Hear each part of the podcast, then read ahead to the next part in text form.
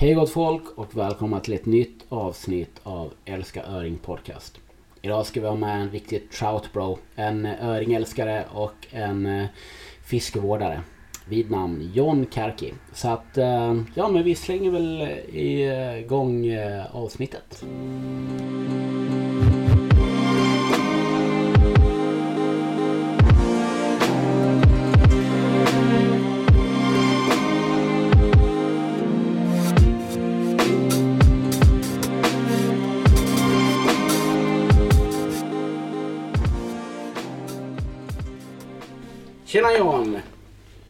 Men tjena mannen! Hur är läget?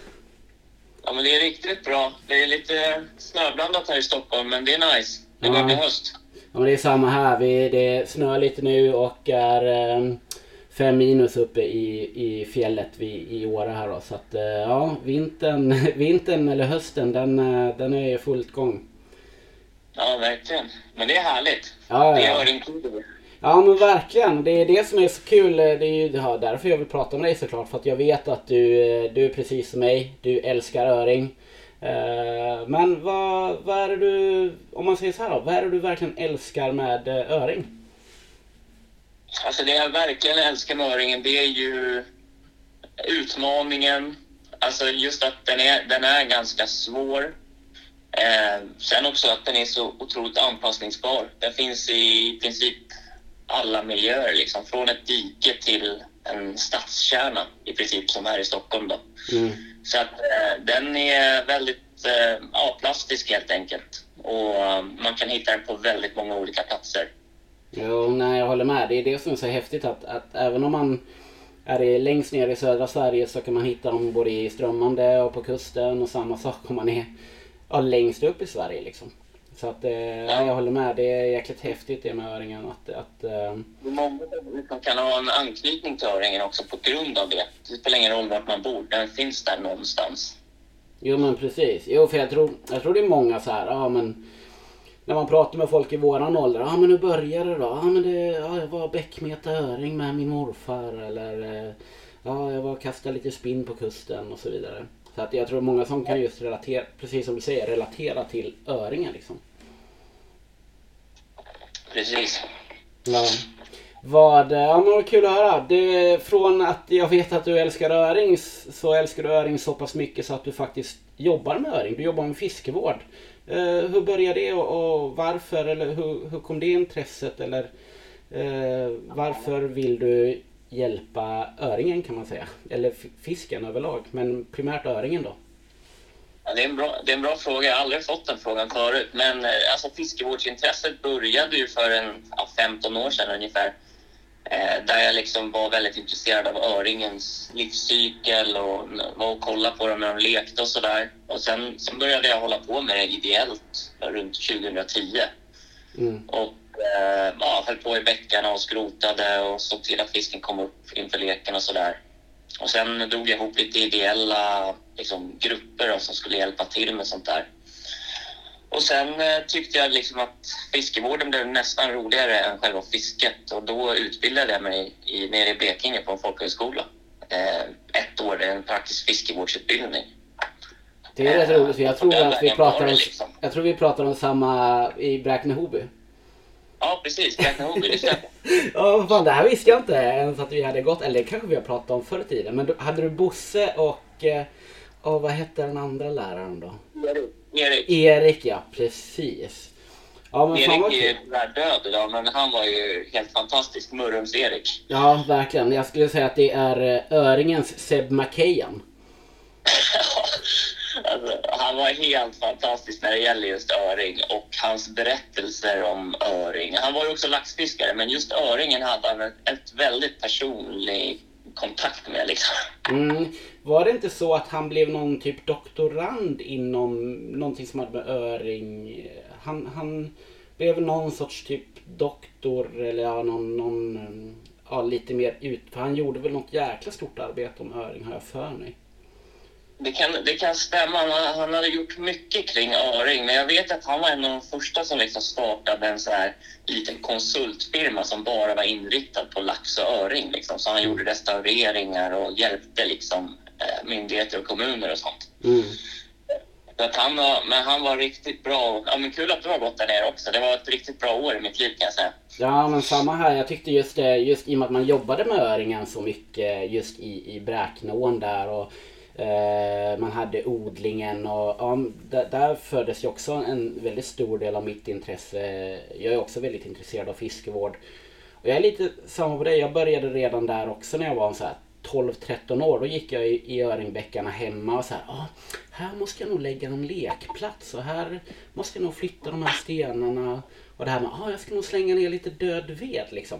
Um, ja, men det är kul att vi, vi är lite samma, samma nördiga på det där. Och det, um, jag är också intresserad och hållit på ideellt med det också på olika sätt. Men jag, gick, jag började också den utbildningen för att jag ville bli biolog. Eh, så att, eh, men eh, sen så, så kom fiske och guideintresset istället. Då. Men det är faktiskt de flesta som har gått den här utbildningen utbildar sig ju vidare sen då till mm. biologer. Men jag gjorde aldrig det. Men jag lyckades ändå få jobb inom det här. Men det var inte heller en rak väg utan jag hade ett annat jobb, kom tillbaka till Stockholm och bara tröttnade på allting och eh, assa upp mig för att bara vara ute och fiska öring. Mm. och, och sen på den vägen var det, då blev man lite mer fri och då kunde man ta lite timjobb och sånt inom det här och sen ja, arbetar man sig uppåt liksom. Ja precis. Ja, det är jäkligt kul. Det är, jag tror, alltså, även om man har ett stort intresse för fisket så vill man ju också på något sätt kunna bidra. Uh, om man tänker mycket på det här att, att ja, men, varför är det så här här eller varför är öringfisket bättre där eller sämre där. Och, Ja, man, man, har, man har någon djupare kärlek för det liksom. Och sen är det som sagt det är saker i livet som styr att uh, ja men du hamnade inom fiskevården och jag hamnade på något sätt inom, inom guidningen eller det istället. Då. Men äh, jag, jag brinner fortfarande som sagt för fiskevården därför är det så roligt att ha med dig eftersom jag vet att Alltså man tänker, om man hör ditt namn så vet man att du jobbar eh, inom, inom, inom just fiskevård och och eh, sen i och för sig vet man att eh, just pratar man om kustöring i Stockholm då är ditt, ditt namn det första som kommer upp. Eh, så det, det är lite kul faktiskt. Ja, nej, men den ja, kustöringen i Stockholm det har ju liksom i princip varit mitt liv kan man säga. Mm. Jag, jag brukar lite skämtsamt säga att kustöringen tog mitt liv ifrån mig men gav mig ett bättre liv tillbaka. Så ja. Eh, ja, men jag har lagt ner otroligt mycket tid i Stockholms skärgård. Ja, jag vet. Vi eh, för länge, länge sedan, det här är sjukt. Eh, det är ju åtta eller nio år sedan när jag jobbade på Fishland. Då var ju faktiskt du och jag ute en snabb tur. Du var i någon fisk men jag, jag kände ingenting. Men det var jävligt kul liksom för då fick man också lite så här info om, om ja men du berättade lite om hur man skulle göra och tänka och sådär. Och, om man... Man förträngt det. Var vi uppe i norra skärgården då eller? Ja precis, precis. Eller något, något, runt Norrtälje där? Ja precis, precis. Så där var vi ute en sväng på, på hösten här för mig. Och sen tror jag även faktiskt var pillade i någon liten bäck någon gång också. Det är kanske ja, som man inte ska prata om. Vi fiskade ju bäcköring i Stockholm och du brände ju en fin jävla fisk om jag har Ja, jag har också för mig det alltså. Porrfluga? Ja just fan. Ja det var ju, ja det måste, ja det är länge sedan men var, ja. Ja, jo, men jag skulle tro att det är 8-9 år sedan någonting. Uh, ja. För det var där, uh, ja någonstans 2015 tror jag. Det är jäklar, vi börjar bli gamla. ja. Ett annat minne där är att jag kommer vi träffade, du bodde väl i Rotebro va? Och jag ja. bodde ju i Rotebro där runt Väsby också. Ja precis, precis. Jo jag bodde uppe i, i, i Väsby där. Rätt så nära Fishline då. Uh, ja, ja, det var back in the days. om, man, om man egentligen tänker då kustöring i Stockholm, skulle du vilja slänga ut en fem bra tips att tänka på om man vill börja med, med eh, ja, och prova på efter kustöring i Stockholm om man tänker flugfisket då efter kustöring just vintertid. Har du fem bra tips att slänga iväg lite sådär gött? Ja, vi säger tre, tre tips i alla fall kan jag ge handfast här direkt. Och, och det är väl eh, att man eh, i Stockholm ska man vara väldigt rörlig mm. i sitt fiske. Som egentligen allt öringfiske men det är väldigt viktigt att man, eh, man kan inte vänta in Stockholmsöringen utan den är ganska liksom stationär i sitt område. Så är den inte där, då, kan du, då är det ganska dumt att stå och nöta. Liksom. Men då, du måste hitta den helt enkelt. Mhm. Eh, och sen är det ju, det andra tipset det är ju för vinterfiske, det är ju att fiska alltså, riktigt sakta med flyt eller slowmolina Mm. och väldigt spretiga flugor. När jag pratar vinterfiske då pratar jag alltså temperaturer under 5 grader i vattnet. Ja. Eh, mellan 0 till 5 grader kan man säga. Då. Så att eh, sakta, grunt eh, med spretiga flugor. Mm. Alltså volleyball till exempel då, eller stonker eller något sånt.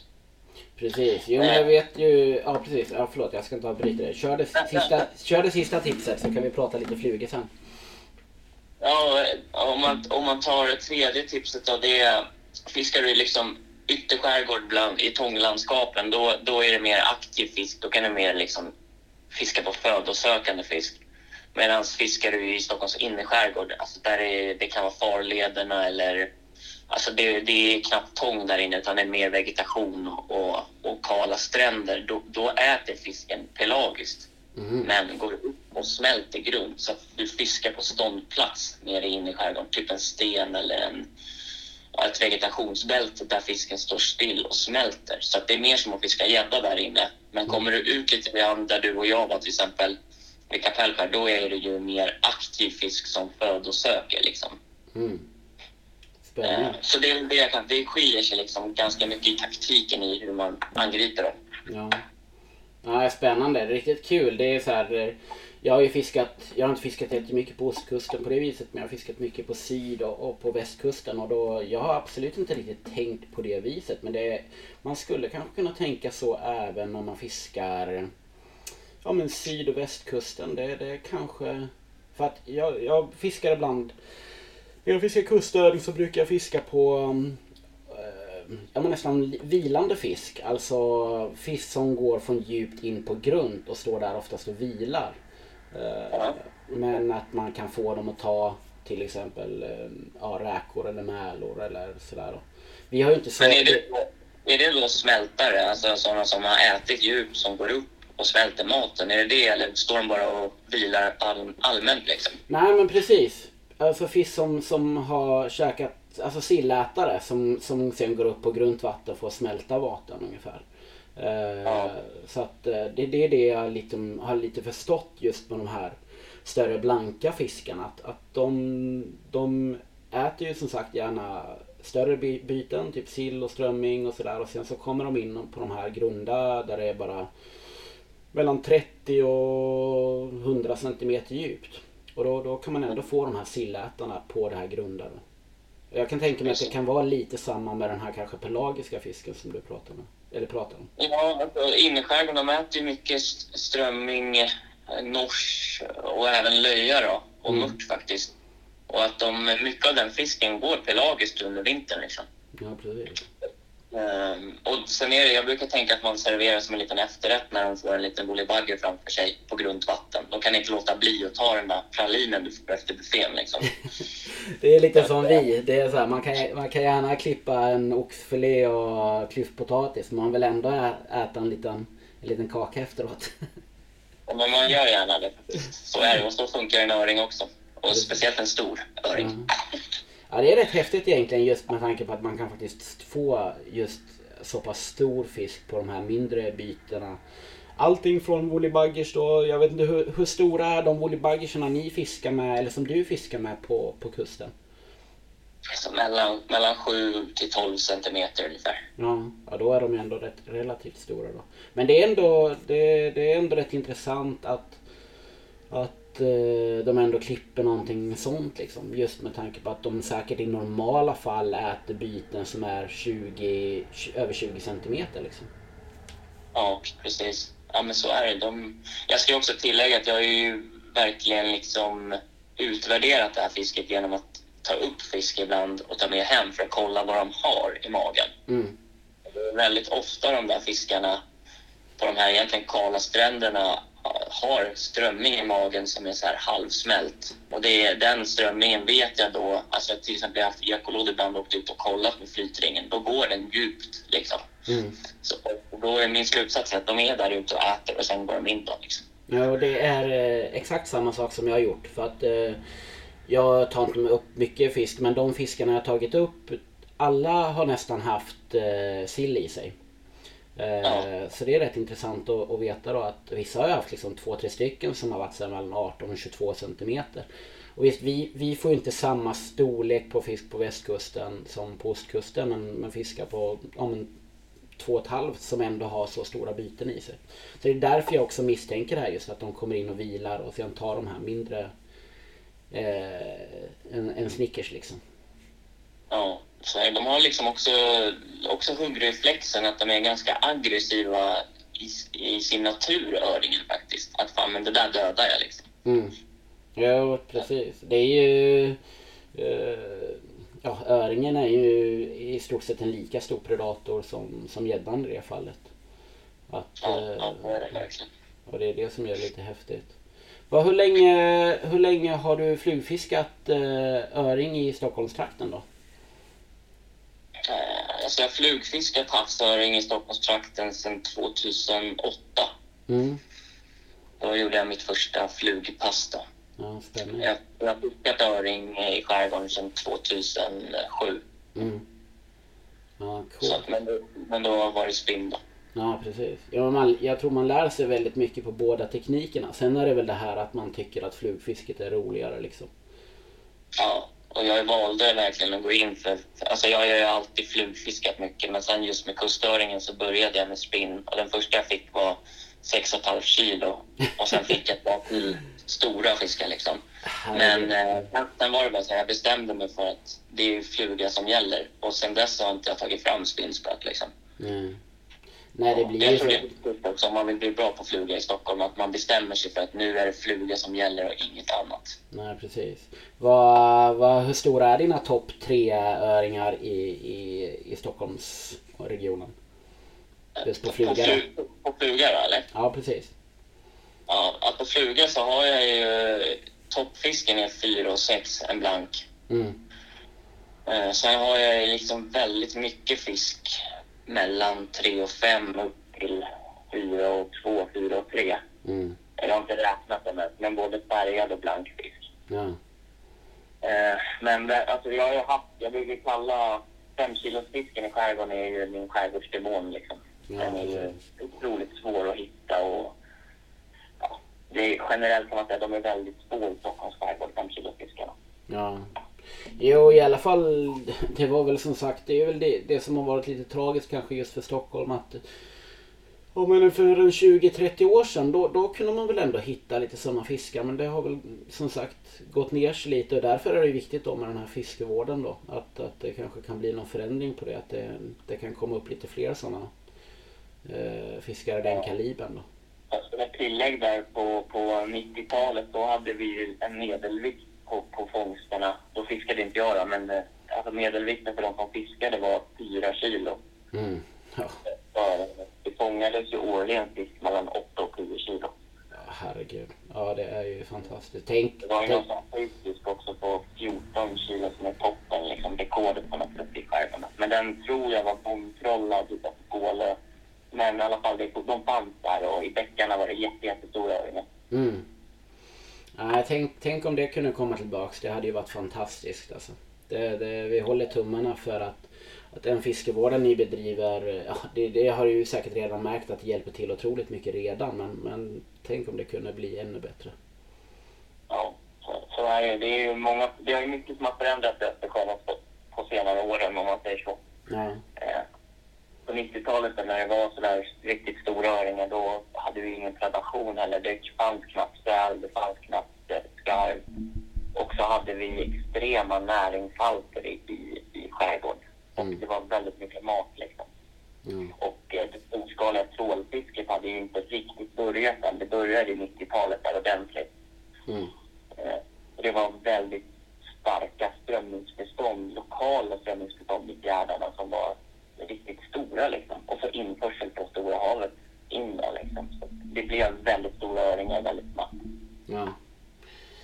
Ja, nej det är ju som sagt det som är lite tråkigt just med, med hur vi människor tyvärr förstört mycket av, av eh, av primärt kustfisket då, eller ja, kusterna eh, i Sverige då. Men som sagt, det, det är väl bara att hålla tummarna för att det blir bra. Men det har väl varit en rätt stor debatt just om det här med strömmingfisket senaste åren. Ja, det är en brännhet fråga här på, på ostkusten. Mm. Det, det, är så, är, det är väldigt mycket konflikter kring det kan man säga. Ja. Ja, Men det har blivit väldigt mycket färre strömmingar som går in i fjärdarna på vårarna. Mm. Ja, nej, man får bara hoppas att den, de generationerna på något sätt dör ut. Då, då, då kanske det blir eh, bättre och bättre för kommande generationer istället då. Som, som, vill, som vill fiska och ha bra fiske på kusten. För att det är ju som sagt, det påverkar ju inte både bara öringen utan det är gäddan och, och eh, eh, abborren och ja men, men alla arter egentligen. Då. Ja, verkligen. verkligen. Alltså, jag brukar tänka att det kan ju bara bli bättre från där vi är idag. Liksom. Mm. Så att. Ja, precis. Jo, men det är bra. Det behövs eldsjälar som, som du på detta viset.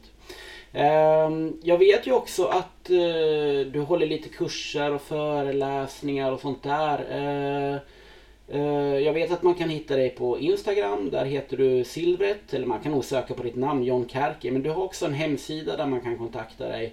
Ehm, den heter silvret.com va? Ja, precis. Det stämmer. Jag har, jag har haft en webbkurs som jag redan på haft. Nu har jag lite problem med plattformen, så jag har tagit ner den så länge. Men mm. ja, jag håller lite kurser i öringfiske, både via webben men även ute på kusten. Då. Och sen eh, håller jag föreläsningar också och skriver artiklar om, om fiske. Liksom. Ja, alltså det är bra. Jag hoppas att, de, de, att det är någon som lyssnar på det här och eh, om de känner att de vill utveckla sitt eh, fiske efter kustöring i Stockholmsregionen att de hör av sig till dig antingen via hemsidan då silvret.com eller via din Instagram då eh, silvret eller om man söker på John Kärker då. Ja. Vi håller tummarna. ja precis. Vad var jag tänkte på också om man bara avslutar med en rolig liten grej. Eh, om du skulle få välja då ett, ett riktigt drömscenario, en, en riktigt stor öring, var som helst i världen och, och på vilket sätt du skulle vilja fånga den och, och hur stor den skulle vara.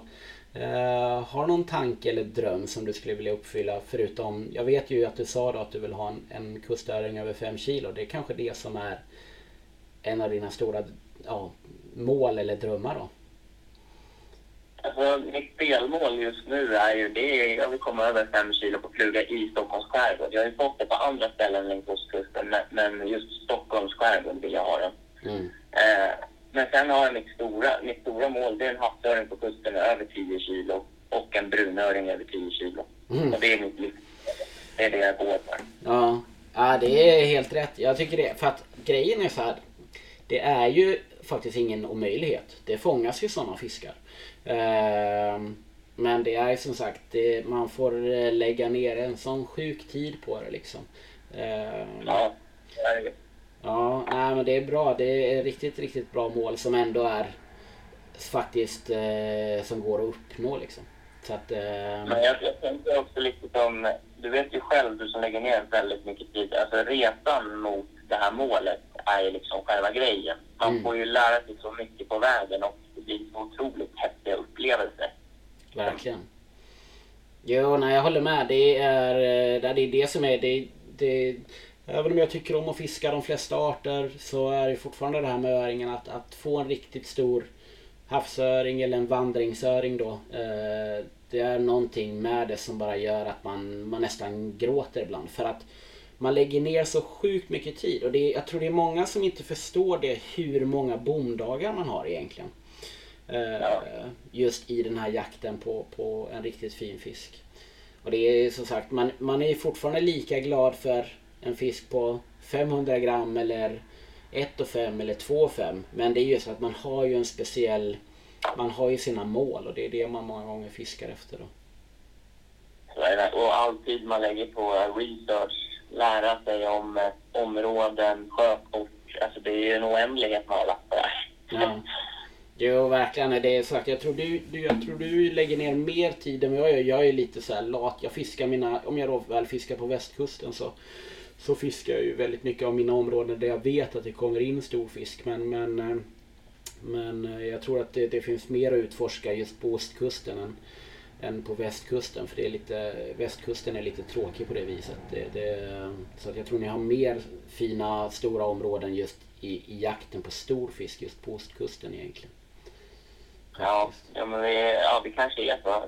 Liksom, det är ju, om man tar bara skärgården så finns det ju väldigt många speciella typer av områden att fiska på. Alltså det skulle kunna, bara, vi skulle kunna göra ett avsnitt bara om det. Men det är det som gör det otroligt spännande. Och vissa områden, alltså biotoper, håller mycket större fisk av Mm. olika anledningar. Liksom. Och, ja, det är spännande. Ja, nej men det kanske vi får göra i framtiden. Det har varit kul att ha med dig som gäst igen och eh, då kanske vi får nörda ner oss lite istället. För jag tror, det som jag har pratat med många av de som lyssnar eh, och som hör av sig till mig, att de, de vill ha med de här riktiga nördarna och det är ju du är ett bra exempel på en, en nörd på det viset. Precis som jag är också. Men, men jag tror att eh, att man skulle verkligen kunna grotta ner sig och göra ett helt avsnitt av det. Men det är också lite det här Det är också frågan hur mycket man vill man vill eh, Det är klart att man vill hjälpa människor på alla sätt och vis. Absolut. Men det är också frågan om hur mycket man vill avslöja många gånger. Alltså, så är det också. Det är alltid en balansgång det där liksom. Mm. Eh, och, men, eh, men det är kul att få starta den här podden. Eh, det är ett visst inslag i övriga fiskepoddvärlden om man säger så. Med lite öringssnack. Ja, ja men det är kul. Nej, det är som sagt, jag tror att... Eh, eller jag, jag är helt säker på att vi kommer eh, köra några avsnitt eh, tillsammans igen. Så att det ser jag fram emot. Ja, det är som sagt, det är skitkul att och, få snacka lite skit med dig redan nu. Hur ser planerna ut nu för närmsta tiden då? Blir det lite kustfiske eller blir det mest jobb med fiskevården eller har du några roliga planer på G? Det, blir, det blir fiske på hemmaplan, Stockholm. Havsöring blir det här framöver. Nu har jag haft, höstarna är väldigt intensiva fiskevårdsmässigt så att man hinner inte fiska jättemycket öring då liksom. Eh, jag brukar fiska lite andra arter som är lite enklare då. Men eh, det blir ju nu, nu drar det ju, drar det ju till här med kylan och fisken kommer börja komma in lite grundare. De är redan där och har varit här ganska länge men de kommer börja bita på flugan snart liksom. Mm. Och eh, nej, men fiska på. Eh, fiska som alltid, men mest fiska för att det är kul. Och sen när lägga upp en ny strategi inför nästa år. Det är det som är planen. Perfekt, ja men det låter riktigt nice. Ja men härligt John, för fan vad kul att eh, snacka med dig och eh, höra om, om eh, lite vem du är och fisket och din kärlek för öringen och eh, det arbetet du lägger ner. Eh, som sagt, stort tack och eh, ja, vi hörs och syns i framtiden på ett eller annat vis. Så, så får jag önska dig ett riktigt eh, skitfiske i vinter då. Ja, detsamma. Tack ska du ha. Ja, vi hörs. Tja! Tja, tja. Oj, oj, oj. Vilket härligt avsnitt med, eh, med John. En eh, riktigt god eh, kille som...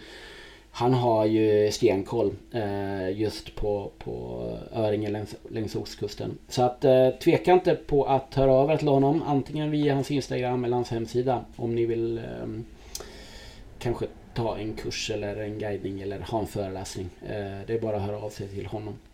Eh, ja men Skönt med ett eh, nytt avsnitt. Hoppas ni gillade det här och dela gärna om ni vill det och ehm, ja, sprid ordet helt enkelt. Och för bövelen, glöm inte, älska öring.